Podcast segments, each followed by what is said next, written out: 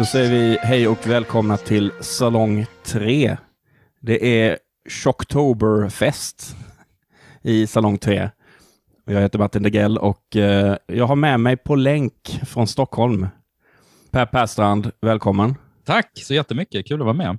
Känd från eh, intresseklubben Antecknar och en massa andra ställen.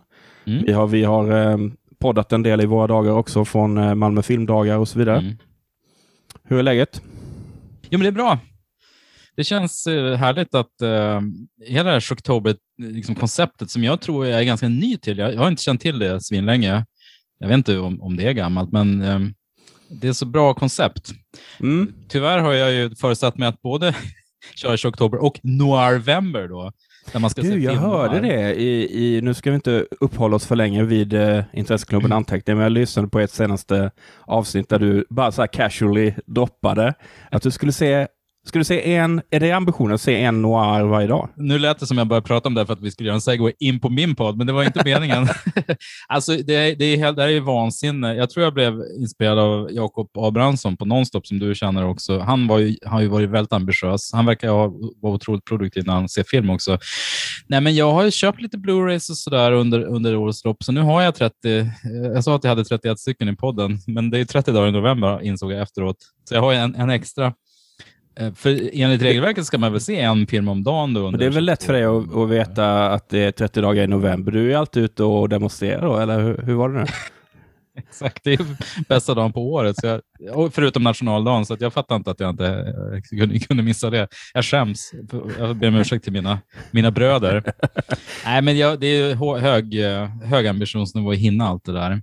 Men det är fint ändå. Men alltså, mm. jag har plöjt jävla massa noir i mina dagar. Jag vet inte om jag hade kunnat skrapa ihop 30 stycken bara sådär. Mm. Har du, är det några, kommer du ha lite omtittningar så eller? Alltså, jag har nog sett några av liksom de här hörnstenarna, Double Indemnity och eh, allt vad de heter. Men det är många som jag inte har sett, alltså riktiga klassiker. Så jag, jag tar det här lite som en tillfälle att både se om Chris Cross och lite andra langrullar och sådär. Eller Chris Cross kanske Siodmark förresten. Mm, eh, Plus också se ikapp uh, Out of the Past och uh, andra klassiker som jag faktiskt inte har sett. Jag brukar ju köpa Blu-ray som står inplastade i hyllan, men nu finns det ett mål och det är faktiskt att plasta upp dem och se dem också. Eller så kanske jag bara gör unboxing-videos. det går ju fortare för mig. Åh, vilket fin, vilken fin booklet. Här kan man vända på omslaget. Två skivor. Sen bara, hej då. Det var November. Men, men det är ju sannolikt en, en, förutom då ordvitsen, en väldigt bra, bra tillfälle på året att liksom sitta och grotta ner sig i mm. härliga, härliga rullar. Ja, men jag gillar tema, tema ja, men konceptidéer eftersom det här har vi pratat om förut tror jag, men liksom, vad ska man se när utbudet är så lyxigt? Det finns hur mycket film som helst om man har tillgång till några streamingkanaler och har lite film hemma. Det, för min del blir det väldigt random och då är det ganska bra att tänka, men nu är det, nu är det oktober, då ska jag faktiskt fokusera på skräckisar och se kanske sånt som jag velat se länge. Det är ett bra sätt att, jag vet inte, att tematisera. Jag har också haft mm. den i, liksom, åtminstone vissa perioder varje år, att jag försöker så här nu kör vi det här den här månaden. Liksom. Och jag tycker mm. det kan vara ett ganska bra sätt, som du säger, den här uppsjön av, så här, var ska man ens börja? Liksom? Ja, men, man, precis. Ja. Men, jag, kan inte, jag är så fantasilös, jag kan inte komma på egna teman. Det måste finnas en hashtag framför. Så, och så måste jag kunna skryta med det på sociala medier, givetvis. Det är min största motivation. Titta vad duktig jag som har sett så många filmer. Kolla vilka, jag, vilka fina filmer jag har. Jag har bara, liksom, just Shocktober har jag bara aktivt gjort förra året tror jag. Då kollade mm. jag i alla fall en skräckrulle om dagen. Mm. Men eh, nu tänkte jag då att det kommer jag ju inte göra i år trolig, troligtvis för att ja, dels så, så spoiler alert så tjuvstartar ju vi lite eftersom det är ju faktiskt september när vi spelar in det här. Mm. Eh, så att det kommer att bli, eh, årets Shocktober blir liksom i form av en podd kan man säga. Och idag så ska vi snacka om en film som heter Alice Sweet Alice, men som först hette Communion ja, och precis. även är känd som Holy Terror. ja, precis. Kärt barn har många namn. Kärt barn har många namn. Den, det är alltså en amerikansk indie får man väl ändå kalla den, Mm. eh, från 1976. Och som sen efter, om jag har förstått det rätt, så efter framförallt eh, Brooke Shields eh, kändis, alltså stjärnstatus, hade, så paketerades den om och, och gavs ut igen under andra namn och sånt här i olika Ja, men länder. Och precis. sånt. Hon var ju bara nio år när hon var med i den här filmen och hon är med ganska lite egentligen i början. Ja, Men och sen då 81 när hon hade breakat, då släppte de det igen under Holy Terror. precis. Och det får man ju säga, ja, om inte folk har fattat det innan så vi kommer ju att spoila ganska mycket. Och det är ju kanske en av de största spoilarna i den här filmen. Jag visste nästan ingenting om den här filmen. Jag visste att den var en någorlunda, vad ska vi säga, sleeper, eh, slasher, som är högt ansedd av många, men som jag Mm. liksom väldigt sällan stöter på i diskussioner egentligen. Det är liksom inte, jag vet inte, jag stöter inte på jättemycket mycket folk som, som har sett den och som snackar om den. Men det jag visste, eller trodde jag visste, var så här, ja men det här är en av Brooke Shields första huvudroller. Så det ska bli intressant att se Brooke Shields som, som barn då. Och sen då så visade det sig att hon inte bara inte är Alice i titeln, utan hon mördas i, efter kanske, vadå, en kvart? Ja, jag skulle tro det. Och sen är hon faktiskt inte tillbaka. Jag satt liksom och var så här, fast hon kommer nog tillbaka. Mm, det är ju ändå. Brooke Shields så. Men eh. Per, berätta, vad, vad, visste du någonting om det här? Har du sett den innan och Nej. sådär? Eller så här var det, när jag loggar den här på Letterboxd eh, häromkvällen, då, då står det att jag har sett den, men jag har noll minne av det. Eh, så jag vet inte. Det var en period när jag hade, hade små barn och satt och kollar på filmen bara för att se filmer. Eller så har jag blandat ihop den. Men den, den, den är en sån här film som har varit lite på... Jag, jag håller med precis det du säger. Den är en sån här kultfilm som det inte snackas om, men den har legat och bubblat på någon slags bakmedvetande hos mig. Jag, och jag trodde att det här var en film i stil med What- Whatever Happened to Baby Jane, att det handlar om, eller Sisters of the Palm, att det handlar om systrar. Liksom. Det här är en skräckis, det är någon slags syskonförhållande, det är mord och sådär. Vilket delvis stämmer, men det är ju som du säger, det är bara i början egentligen. Sen är det ju, tar den helt andra vägar den här filmen. Den är från 76, men den utspelar sig tidigt 60-tal Mm. i, eh, i Patterson, New Jersey. Det, det, får, det, det framkommer liksom efterhand att den utspelar sig i den lilla sömniga staden Patterson, som ju är eh, kanske mest ihågkommen av liksom dagens filmdiggare som, från eh, Jim Jarmusch-rullen för ett par år sedan.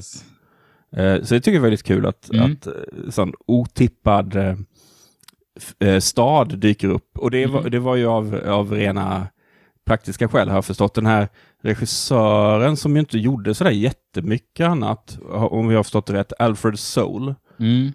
Han var ju arkitekt och höll på med eh, eh, olika så byggnadsbevarande i, Mm. i eh, New Jersey.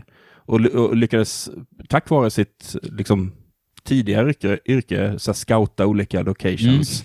Och han, det är väldigt praktiskt, eller Mm. liksom väldigt pragmatiskt av honom. Och det Ja, ger ju också den här he, he, ganska häftiga Ja men locations är ju otroligt coola i, i den här filmen. Jag tycker det är så här, det är, det är liksom murrigt, det är li, lite instängt, man, känner att det är liksom luftkvaliteten är inte den bästa. Eh, jag, jag gillar polisstationen som är så otroligt sliten. Ja. Alltså det är mycket schyssta eh, platser. Ja, men jag håller verkligen med. Och det gav ju honom den här ingången han hade till att bara kunna välja och vraka lite grann i New Jersey. gör ju att det blir otroligt mycket lokal färg. Jag håller med att det, det är väldigt välvalda locations. Så att, och det gör att den filmen känns grundad på ett sätt som många lågbudgetfilmer det här är ju en rel relativt lågbudgetfilm, men många andra så här, billiga filmer i slasher-genren känner man ju så oj, oj då, vad segt. De har liksom tre locations som de bara varvar med, så det känns billigt liksom. Vi ska inte liksom gå igenom bit för bit by bit, eh, tänkte jag, handlingen. Men vi kan bara säga något liksom kort om vad det är för setting. Alltså det, det är ju ett, på många sätt ett eh, ja, familjedrama är det ju Mm. någonstans. Och det, som du var inne på systrar också innan, det är liksom en Ja, det handlar ju om katolicism extremt mycket. Det är liksom, Mm. det är det som någon stor, jag vet inte om det är, om man ska läsa det som någon sorts stor liksom, anklagelseakt mot hela katolicismen. Liksom, eller, eh, men det handlar i alla fall, eh, till ytan i alla fall då om en ensamstående mamma och Mm. hennes två döttrar som är då 12 och 9 kanske? Ja, jag ska tro det. 9-10. Och eh, de bor då i Patterson, New Jersey. Hon är frånskild, vilket på den tiden bara det liksom. Och sen är, är de ju så här super hardcore katoliker. Går i kyrkan liksom, känns som att de går där flera dagar i veckan. Och de har väldigt så här, tät relation, nära relation med den lokala prällen. Mm. Som heter Father Tom. Men, men det, allt är inte liksom frid och fröjd i familjen för att det är väldigt uppenbart att eh, av de här döttrarna då så är liksom den stora favoriten det är den yngsta eh, som spelas av Brooke Shields. Och sen så är det hennes äldre syster då som heter Alice som från titeln då. Och hon förstår man ju liksom längre in i filmen att man förstår liksom varför hon liksom inte riktigt har samma stjärnstatus som eh, lilla systern. Och det är för att hon, eller, eller om jag förstod det hela rätt, alltså, är det inte så? Alltså hon, mamman blev gravid med henne innan hon var gift och det kändes som att det var så här, eller jag vet inte, hur, hur tolkar du det? Att, att hon har liksom en, de har ju väldigt olika status i familjen, systrarna. Ja, det är helt uppenbart att lillsyrran, det vill säga Brooke Shields, är mammas ögonsten. Hon är så vän också. Och uh, Karen heter hon va? Andra syrran. Ja, precis. Jag tycker den här filmen handlar väldigt mycket om att så här, don't be a Karen. Nej, precis. Uttrycket fanns redan då, på 70-talet. Nej, men för hon är ju verkligen troublemaker och man fattar också att dynamiken mellan dem är att Eh, men Alice är avis då eftersom hon är den minst populära syrran och är allmänt butter och jävlig då på tonårsvis, även om hon bara är 12. Eh, medan Brooke Shields eh, är så otroligt manipulativ. Hon vet precis hur hon ska få fördelar av mamman. Mamma, hon tog min slöja. Mamman bara, jag har sagt åt dig Alice, så här får du inte göra. Ja, hon är en riktig sån riktig skvallerbytta liksom. Ja, och eh, det är uppenbart det. att Alice mår ju inte jättebra. Hon har lite issues med alla möjliga och hon ja, men kommer inte överens med folk och som du säger, liksom mm. Karen då är ju liksom den stora stjärnan. Alla älskar henne och sådär. Och hon ska, hon ska ju precis nu när filmen börjar så ska hon få sin första nattvard va? Det är väl det som är den stora precis. grejen då. Och eh, då mördas hon. Och, och då mm. trodde jag verkligen att okej, okay, när hon, när hon mördades, då tänkte jag så här, okej, okay, det är Brooke Shields, uh, surely så kommer hon väl tillbaka. Okej, det här kommer att bli en spökfilm. Jag var ganska säker Precis. på att så här, ja, men hon kommer komma tillbaka, hon blir mördad av en person som ju ser ut att vara hennes stora syster då. Precis mm. innan hon ska ta sin nattvard. Va, va, har du några kommentarer till liksom själva hela den biten? För att jag tycker så här, hur är polisens agerande i, i hela den här affären? Kan man verkligen diskutera. alltså man har ju fått se i början av filmen hur det är ganska bråkig stämning och Alice har, har ju mer eller mindre så tagit stryptag på Brooke Shields. Och, eh, det är ganska hårt mellan dem. Sen under den här eh, nattvarden som du säger så så dyker det upp en person i, som vi tolkar som att det är Alice då, i senapsgul kappa och den här väldigt läskiga masken och någon som genomskinlig mask som ligger på ja, ansiktet. precis. Och jag läste någonstans att den där, det är en sån vanlig mask som såldes inför halloween i USA, liksom storköp, vilket nu känns super creepy för det är en så otroligt effektiv läskig mask som, vet, eh, den är ju, det är ju tjockt plast så att man ser ju inte anletsdragen på någon och så är det den här sminkningen som gör att Precis, men, det, men sen så är den ändå gjord på ett sätt så att den nästan ser genomskinlig ut. Ja. Fast det är ju inte genomskinligt. det ser Nej, så glansig och otäck. Så Brooke Shields stryps, släpas sen ner i en eh, kista eller en liksom, koffert, läggs i den, så tuttar den här mördaren på också så det brinner inuti. Ja, det är brutalt det ju, alltså. Ja, det är otroligt brutalt och eh, Eh, sen dyker Alice upp. Vi vet inte, var det hon som mördade eller vem var det? Hon, precis när hon ska få sin väldigt efterlängtade oblat där på tungan, just då så är det väl någon kvinna som skriker, för det är en nunna som börjar känna röklukt och de alla springer dit och det blir ju extrem hysteri. Och det är kul lite med spelet i den här filmen för att han var ju väldigt mycket, han, han, eftersom han var arkitekt, han kunde ingenting om film egentligen, Alfred Soul, så han, han hittade en massa det, han har väl sagt att så här, men det var mycket så här, folk jag kände, var bekant med, som, som jag hade en, en, kunde kräva en favor av. Liksom. Så det är mycket så här scenskådisar från New York. Eh, så det är lite varierande spel, men det jag tycker filmen är så fint och effektivt skildrar är hur snabbt det slår över till hysteri. Han verkar ha en förkärlek för kvinnor som skriker extremt hjält och spelar över jättemycket. Det är väldigt mycket hysteri i den här. Mycket hysteri och det, det, kan flippa, flippa ganska fort, så det blir total kalabalik. Jo, men du frågar om polisens agerande. Ja, de plockar väl inte in Alice direkt, men det finns en misstanke ändå från deras sida som de kanske inte vågar säga rent ut. Men det känns som att de inte är så systematiska i sitt undersökning. Det är liksom så här, jag har lite span på dem och så får vi se vad som händer. Så, men det är ju ändå, ett barn har ju mördats. Ja, på ett extremt utstuderat sätt inne i en kyrka liksom, med mm. potentiellt flera hundra vittnen. Så att det är ju det är ett iskallt mord, så att det borde vara större pådrag egentligen. Man kan tänka sig om det skulle ha hänt nu. För det, det är ju en, det, vi får i alla fall inte veta om det här skildras i, i media överhuvudtaget. Nej, just det. Media är helt, uh, frånvarande. Apropå den här uh, hysterin, alltså det blir, det blir ju lite kaos då när de upptäcker Karens uh, kropp. Mm. Och eh, särskilt är det ju då eh, mammans syrra mm. som spelas av Jane Lowry heter hon. Mm. Hon är väl kanske den mest hysteriska i hela filmen. Mm. När hon liksom bara rusar. Hon springer först. Jag, jag förstår inte riktigt vem hon var först. Jag var så här, varför har hon så bråttom in till kroppen?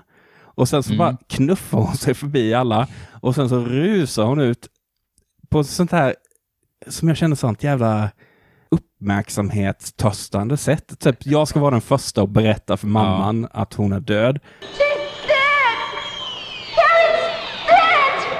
Ja, det är något utstuderat över henne. Något, slags, något lystet, precis som du säger. Ja, precis. Hon vill vara liksom i centrum på något sätt. Mm. Och så, hon tar ju också på sig någon sorts martyrskap sen nästan. Och så här. Mm. Men överhuvudtaget så är det så här, varenda scen är så laddad med så här katolska symboler och ikonografi mm. och teman och sånt. Det är liksom självuppoffrande grejer, det är liksom tung, så samvets tyngande grejer, det är mm. skuld, det är arvskuld. Mm. Ja, det är supermysigt verkligen. Och sen i den här ganska, liksom som sagt, murriga, lätt klaustrofobiska, väldigt så här mm. brunbeiga eh, New Jersey på 60-talet. Mm. Nej, men den har ju verkligen blivit anklagad för att vara väldigt antikatolsk också. Och Alfred Soul gjorde tydligen någon porrrulle eh, på tidigt 70-tal som gjorde att han blev eh, fördömd av kyrkan och han blev utesluten tror jag sin, sin katolska Det är väldigt roligt, en rolig detalj hur man Ja, vi har ju koll på din... Uh... Just det, hur visste de det? vi har ju koll på din... De andra porrrullarna du gjorde, ingen fara. ja, precis. Men det här var liksom ett steg från. Ja, men vi har hört från högsta ort, från dekanen eller vad de heter, monsignoren, så att din senaste, som antagligen distribueras på Super 8 eller 16 mm. Ja. På, på den tiden så är superslisig. Jag har hört att den är lite grov, så, här, så att nej, vi tycker nog att ja, det är jättespännande. Det är verkligen, det borde vara rätt tryggt egentligen att vara, vara porrfilmare för att uh, de borde ju egentligen inte veta om det. Man kan ju tolka det här som att det är hans då lite grann. Men samtidigt, du nämnde ju, det, det stämmer precis det du säger, det, det finns den här tryckande å ena sidan är kyrkan en, liksom en, en enande kraft, men det, det, är ju väldigt mycket krav och tryck som gör att man ska, man ska vara, det är mycket konformistkrav och sådär. Samtidigt finns den här fader Tom som du nämnde, så han är ju en slags god kraft.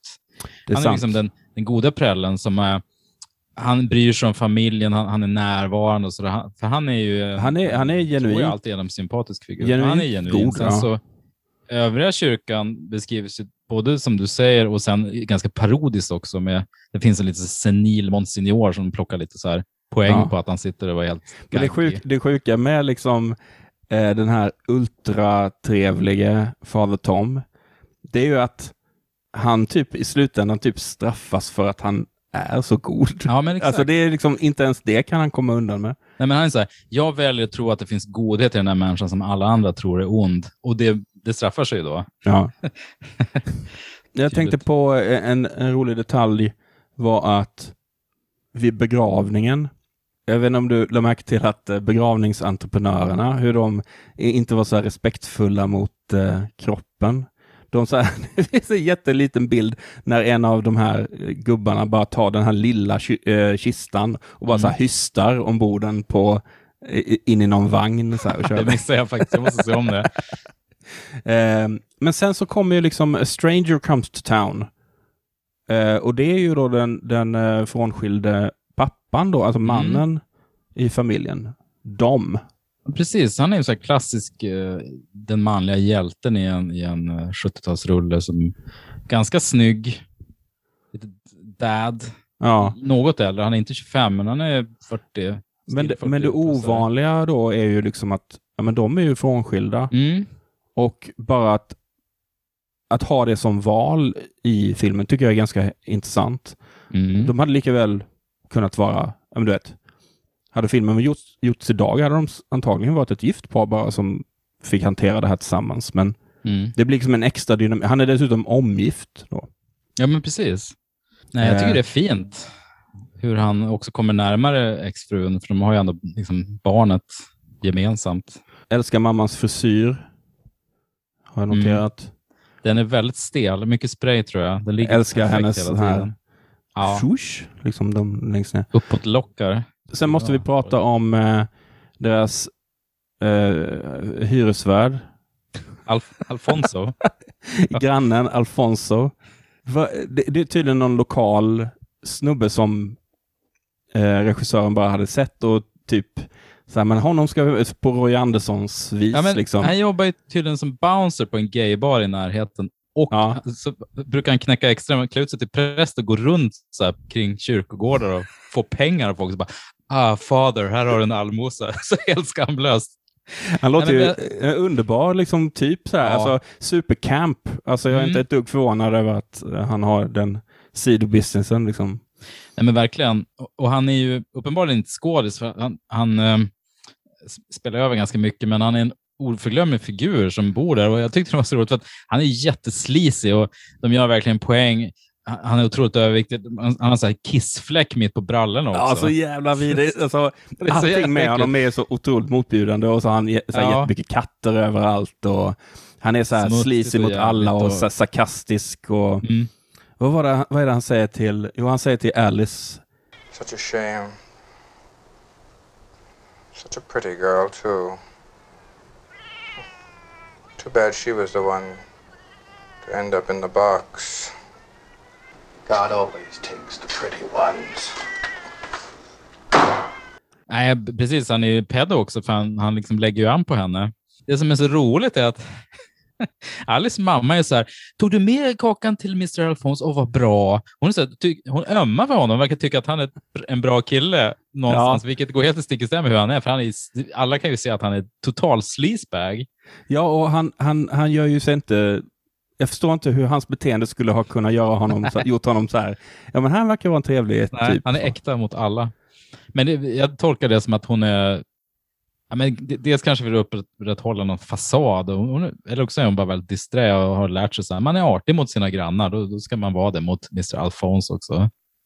När väl eh, den här eh, pappan, de kommer in i bilden, så då får ju han, han se till att snacka med polisen, som ju inte liksom mm tycks ha informerat familjen särskilt mycket om vad som, vad som händer. Jag gillar den här detaljen. Jag var inne redan tidigare på att jag gillar polisstationen. Mm. Alla, alla så nakenbilder på väggarna. Det är så det. Helt klistrat. Med, alltså inne på utredarnas kontor. Och så. Ja, precis. Man har ju sett det klassiska skrivbord. De sitter så här böjda över en skrivmaskin. Det är trångt. Det är alltid en almanacka. Men här är också en massa porrbilder, liksom, pinup-bilder. Så man måste sitta jättenära då när man ska, så, jag, jag vill rapportera en våldtäkt och så bara, mm, berätta vad som hände, så omgiven av porrbilderna. Det är så otroligt sleazy. Och, och snuten är ju också så typiskt eh, dryga och misstänksamma. Och mm. De pressar ju hon, pappan också och sådär. Och de, jag, jag vet inte, det, det, är lite så här, de, de vet nog inte riktigt vilket håll de ska gå själva, men, men de är, liksom, de är ju inte ett dugg respekt respektfulla mot honom eller liksom så här, ursäk, eller så här beklaga sorgen eller sånt där, utan det är bara... Mm. Och, uh, hennes, uh, Alice skola får ju också lite reaktioner. I spoke to the principal. She's made repeated requests that the kids see a psychiatrist. And for some reason her requests have been ignored. Here, here's the record. See for yourself. This kid's nuts. Mm. Så det, då, det är supernyanserade omdömen om, om stackars Alice då, som ju hon är ju liksom, det är ju en ganska jobbig situation för henne, men vi hålls mm. ju väldigt mycket på halster ändå sådär. Alltså, mm. Ganska långt in i filmen är vi fortfarande sådär, ja men vem är hon egentligen? Mm. Vad vill hon? Är det Precis. hon som är skyldig? Vi har sett henne göra elaka saker. Det är uppenbart att hon har så här eh, antagonistiskt förhållande till den här Alfonso. Mm. Bråkar med föräldrarna, bla bla bla. Vi har ju aldrig fått se henne göra, utföra något av morden, men samtidigt, hon är alltid helt likgiltig inför det som händer också. Precis. Någonting med den skådisen också, mm. som ju inte har gjort något annat vad jag förstår. Nej, men precis. Paula Shepard heter hon. Ja. Eh, jag tror hon har gjort två andra eh, B-skräckisar och sen slutat helt göra film. Hon var ju också, jag tror hon var 18 när de började spela in och fyllde 19 under inspelningen och ska spela 12, så hon är ju en vuxen människa då nästan. Precis, och det, jag tänker särskilt på typ hennes röst som är så här, mm. emellanåt låter det som ganska vuxen mm. så. Mm. Och ibland är det väldigt så flickröst så. Och jag tror att det, ja, jag känner, det känns som att det är medvetet, att det är så här, vi ska, vi ska vara lite osäkra på vad vi har henne. Är hon, ja. är hon så oskyldig som hon säger sig vara till de här dåden mm. och så? Eller är hon liksom en sån riktigt klassiskt ondskefullt barn? Mm. Eh, ja, det är ehm, snyggt gjort. Det är det verkligen. För, för man hajar verkligen till när, jag tänkte på det också, oj hon har ju en vuxen kvinnas röst, det blir så creepy när hon är liten där, går ja. i flickkläder. Och sen blir det ju extra creepy, fast inte på grund av henne då, utan på grund av snutarna. Alltså ja, den här lögndetektorscenen. She is a weird little girl. Did you notice her tits? When I went to put the tube around her, she looked up at me like she wanted me to feel her up. Jävla swine. ja, precis. Vad händer sen? Jo, den här Alfonso dyker han återkommer ju liksom så här med sina han har eh, hela tiden nya så här excentriska drag, typ att han, han lyssnar bara på stenkakor och, mm. och sen så är det en ganska läskig scen med uh, den här mostern då, Ja, det är verkligen en av de läskigaste scenerna i filmen. Påminner lite grann kanske om det här trappmordet i Psycho. Ja, precis. Det känns ju ehm. som att uh, vi kan komma in sen på lite mer så här, uh, eller vi kommer säkert att återkomma till influenserna och sådär mm. på den här filmen. Men jag tänkte också, det, det är svårt att komma undan uh, Psycho, särskilt när det handlar om där, en trappa och en kniv. Mm. men hon är ju på väg därifrån. Va? Ja, men precis. Hon är på väg ner för trappen och då kommer, en, då kommer den här gestalten i eh, regnjackan. Och det är ju inte ett snyggt mord, liksom, utan hugger i låret. Hon dör ju inte heller. Nej, hon gör inte det. Och, nej. nej. precis. Det är inget mord. I foten, så här obehagligt, ja. så här stickvåld mot, som, som inte dödar utan bara måste göra jävligt ont. Ja. En läskig scen. Så hon liksom så här ramlar ju ner för trappan i princip. Mm. Och liksom i ren panik lyckas ta sig ut utanför. Och regnet bara häller ner. Och sen så, och så rusar ju liksom mamman efter och det blir så här total kalabalik. Och, så hon klarar ju sig då, men, men, mm. men är ju så här på sjukhuset är ju helt så här nästan katatonisk. Och, eh, och då är det också så här den här eh, eh, pressen då, så här, ska hon, hon säger ju direkt att ja, men det var Alice. Liksom. Ja men exakt, utan att hon egentligen vet det. Hon har ju bara sett den här figuren med Precis. mask. Och så blir det den här pressen då så här, polisen vill ju gärna att hon ska säga att det är Alice så att det blir liksom avklarat, så case mm. closed. Medan mamman står där också vid sjukhussängen och är sådär, ja men don't say it liksom. Mm. Ja men de hittar ju Alice, så hon är ju helt, eller säger sig vara helt ovetande mm. om det som har hänt. Och då säger hon ju någonting som jag återigen var så här, okej, okay, nu kommer Brooke Shields tillbaka när som helst. För då, då säger hon ju nämligen så här, She wants her doll. Ja, uh, she wants her doll. Och, och, antyder att hon har någon form av spökkontakt med mm. Karen. Precis, att hon är hemsökt av, av Karen som går igen då. Och Det är då man tror kanske att jaha, det blir kanske spök.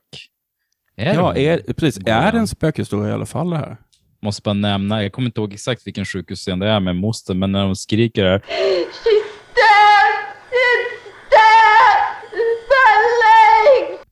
Helt hysterisk. Och sen kommer den här lögndetektor Mm. Det känns som att det, ska, det skulle alltid in där. Eh, jag vet inte om det görs inte så mycket kanske nu längre. Jag tror inte det. Det var en stor grej förut, kommer jag ihåg, när man var lite så här, han klarar lögndetektorn. På något sätt var det också så definitivt. Då var det så här, mm. japp, klappat och klart. Så. Exakt. Men hon klarar ju den, eller typ. Ja, precis. Just det. Och sen så får hon jättesnabb diagnos av en eh, shrink, liksom som mm. undersöker hennes eh, psyke. Och efter en session så kan hon bara uttala sig så här, ja men du vet hon har schizoide tendenser och mm. hon bör nog vara inlåst. mm.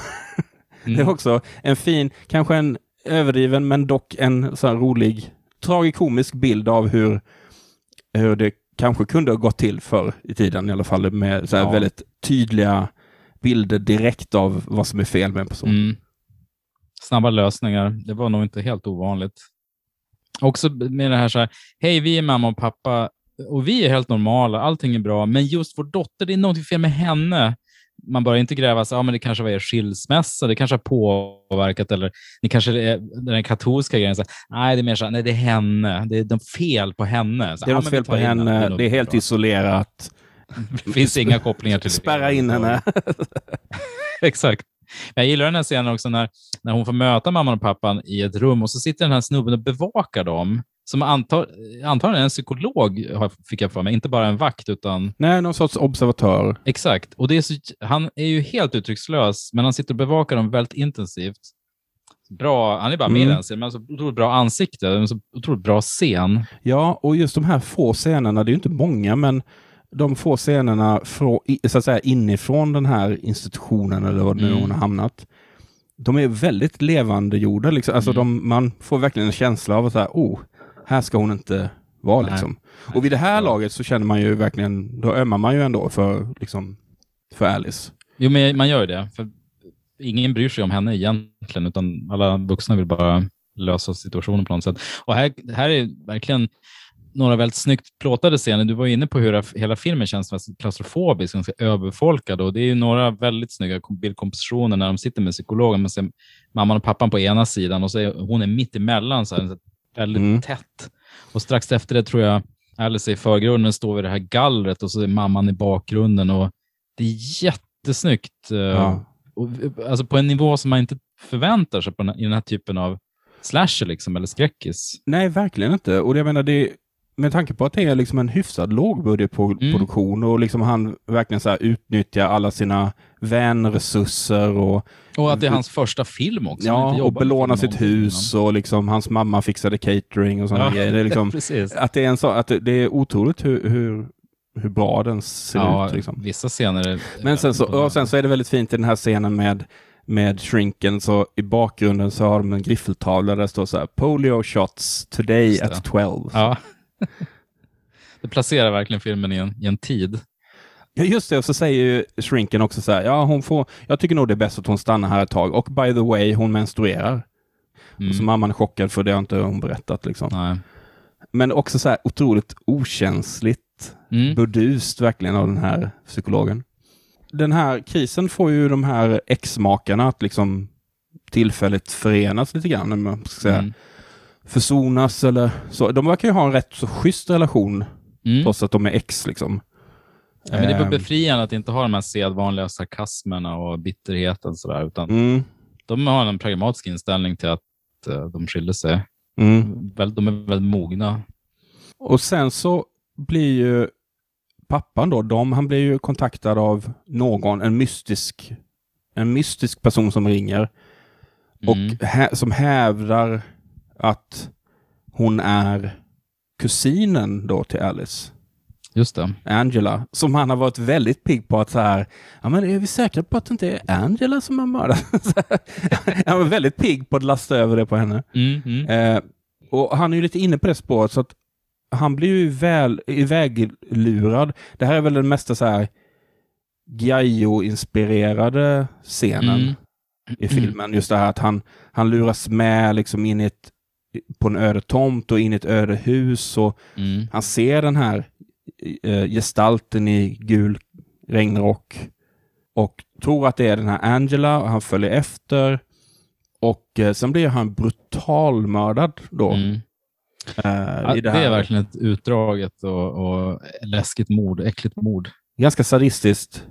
Ja, um, han blir slagen med sten i ansiktet och det här krucifixet som han trycks in i munnen på honom. Ja. Och så, Eller, så krossade tänder. Alltså, men... Han försöker ju ja. liksom... Ja, ja, ja det, det, är ganska vidrigt. Ja, det är äckligt. Och här är det väl som mest så här Don't look now-vibbar också. Mm. För det, det, känns som att där har vi ju...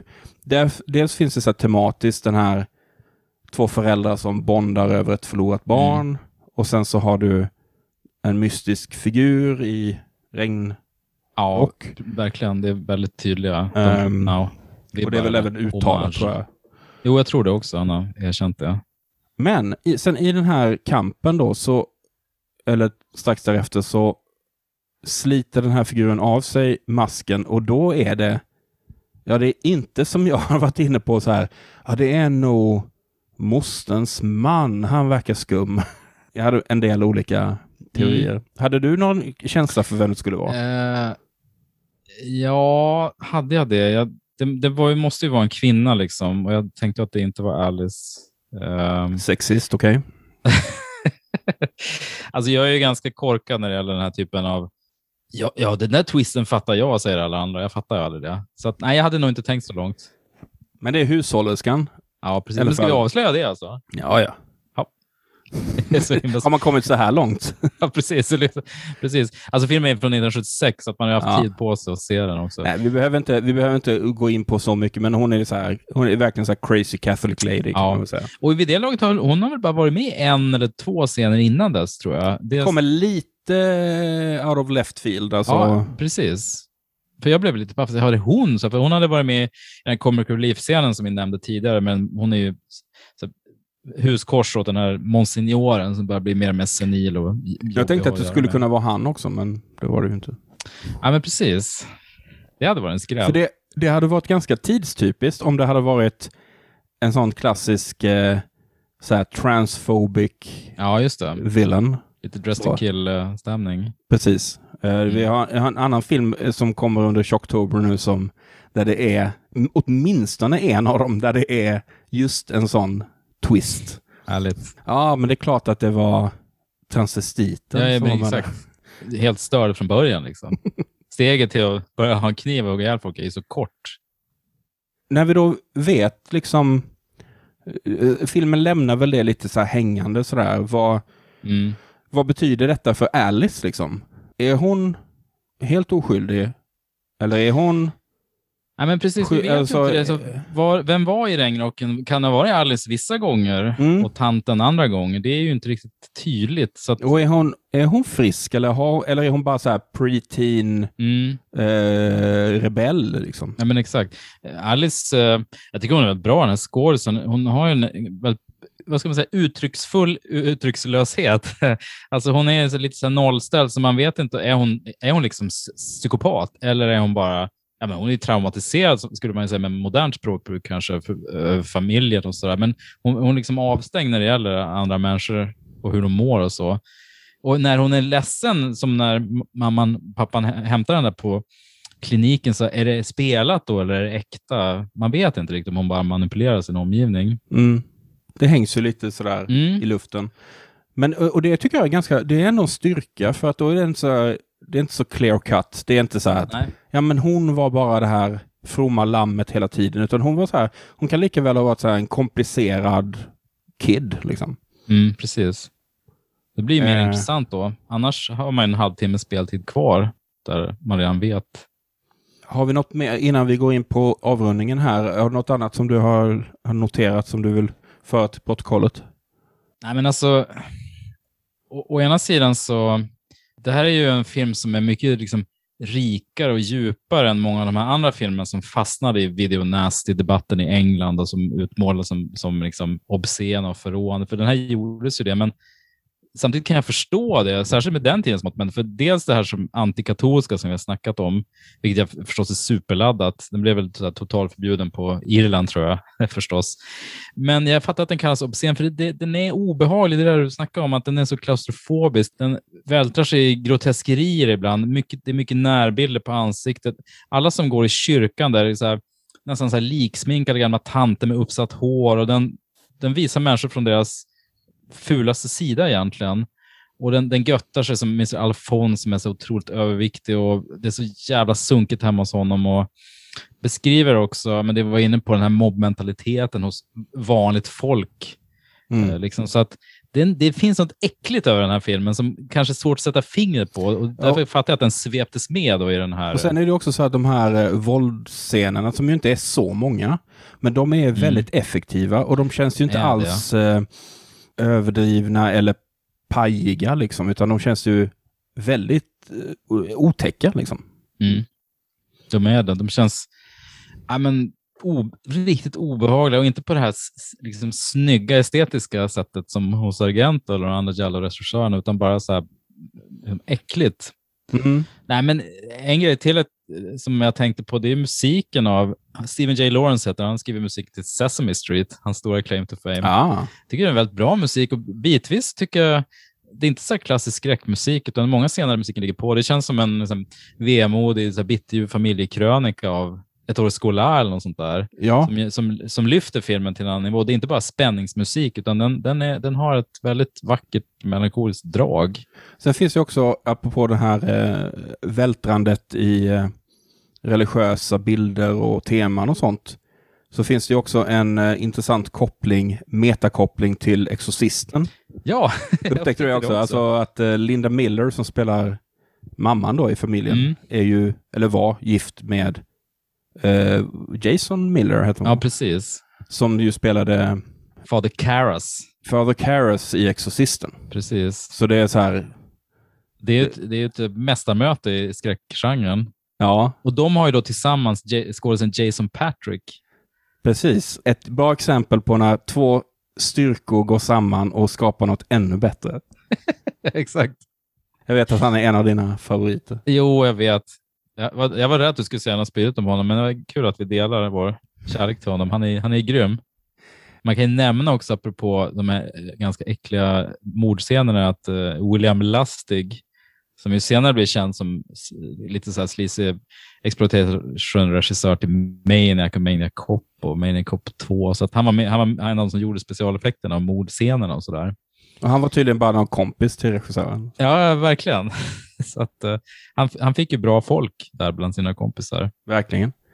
Nej, jag tyckte, för mig var det här en eh, väldigt eh, fin mysrys-upplevelse. Jag blev mm. mycket glatt eh, över, positivt överraskad. Vad, vad, vad har du för slutord? Ja, men jag håller med. Eh, en lite för, förbisett liten pärla. Väldigt eh, rik, töntigt ord kanske att använda, men eh, det jag tar med mig från den det är eh, hur välberättande den är. De här otroligt mustiga miljöerna som du var inne på i, i New Jersey. Hur den ah, på ett ganska så här bra, genomtänkt sätt skildrar religion och konformism och liksom spruckna förhållanden och så. Samtidigt som den kan vara en läskiga barnskräckis med mycket liksom så här smarrigt exploitation-våld. Så den, den, har, den har allting i den här filmen. Mm. Och eh, som tonaliteten skiftar ju med, lite mellan så svart komedi ibland och överdriven, lite hysterisk skräckis ibland på ett, på ett uh, väldigt fint sätt. Och så har den som sagt några uh, jättesnygga bilder. Jag måste nämna också en scen när den här välklädda polisen åker ner från hiss ner till obducenten. En kort ja. scen, men jättesnygg. Och filmad från så här, tre, fyra olika vinklar också. Ja, men det måste vara så att de har bara hittat så här, oj vilken konstig grej ja. de har här, någon konstig hiss liksom. En hiss ner. Den måste vi använda till något. Ja, så, att, eh, så sånt är ju fint. Var så här klassisk så här, bitig kvinna då, men, men hissen ner gjorde att det blev så otroligt mm. uh, speciellt. Eftersom det här är salong tre så måste vi fråga, eh, vem hejar du på? ja, men eh, bra fråga. Alltså jag, om man säger så här, jag ömmade ju för Linda Miller, mamman. Hon utstå, får utstå så många prövningar. Hon säger så här, haven't I had enough of a share? Eller så här, har inte min del varit prästen bara, du, det handlar inte om att man får en share. Så här. Av elände? Nej. Ja, av elände, precis. Det var väldigt dålig leverans av mig där, men det var bra. I filmen var det bra. Men jag, jag hejar nog på, jag hejar nog på Alice faktiskt. Om man ja. tänker på screen time, hon är inte med så mycket egentligen, men hon, Paula, då, den här vuxna skådisen, sen allting blir ju mer fascinerande av att man vet att hon, hon bara försvann. Hon gjorde inga fler filmer. Det här är liksom hennes film. Hon upptäcktes, kom från ingenstans. Hon har otroligt uttrycksfullt ansikte. Jag vill liksom se mer av henne. och man vet ju inte riktigt vad man ska tro. Det vet man inte ens när filmen är slut.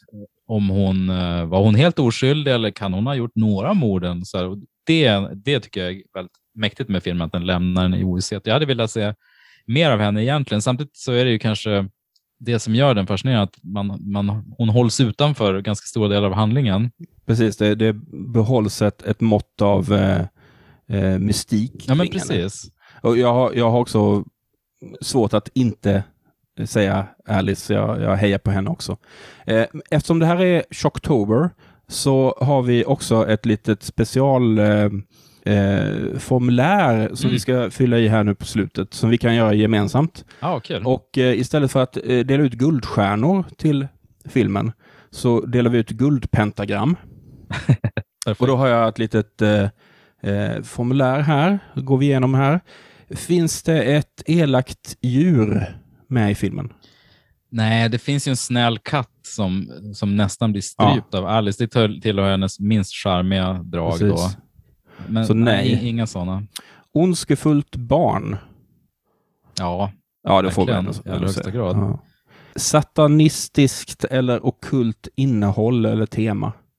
Ja, nej, inte riktigt, inte riktigt va? Det, det, får man se om man är om man ska vara lite hård så nej, det är det ju. Det är ju faktiskt ingen så här djävulsstyrka nej, sånt. Sant. Bygger det på en myt, en saga eller vandringssägen? Nej, nej. det gör det inte. Eh, finns det en kniv? Ja, i en ja, central roll. Ja. Serie eller massmördare? Ja, det beror ju på vad man mm. drar gränsen. Men jag skulle ändå säga nej, eller? Alltså det är inte valet mellan seriemördare och massmördare, eller om det finns något av det? Ja, något av det. Nej, det är lite, lite hårt att kalla det seriemördare kanske. Ja. Effektiva jump scares? Ja, det är väl ett par. Det är ju en i början där Alice dyker fram i, i sin...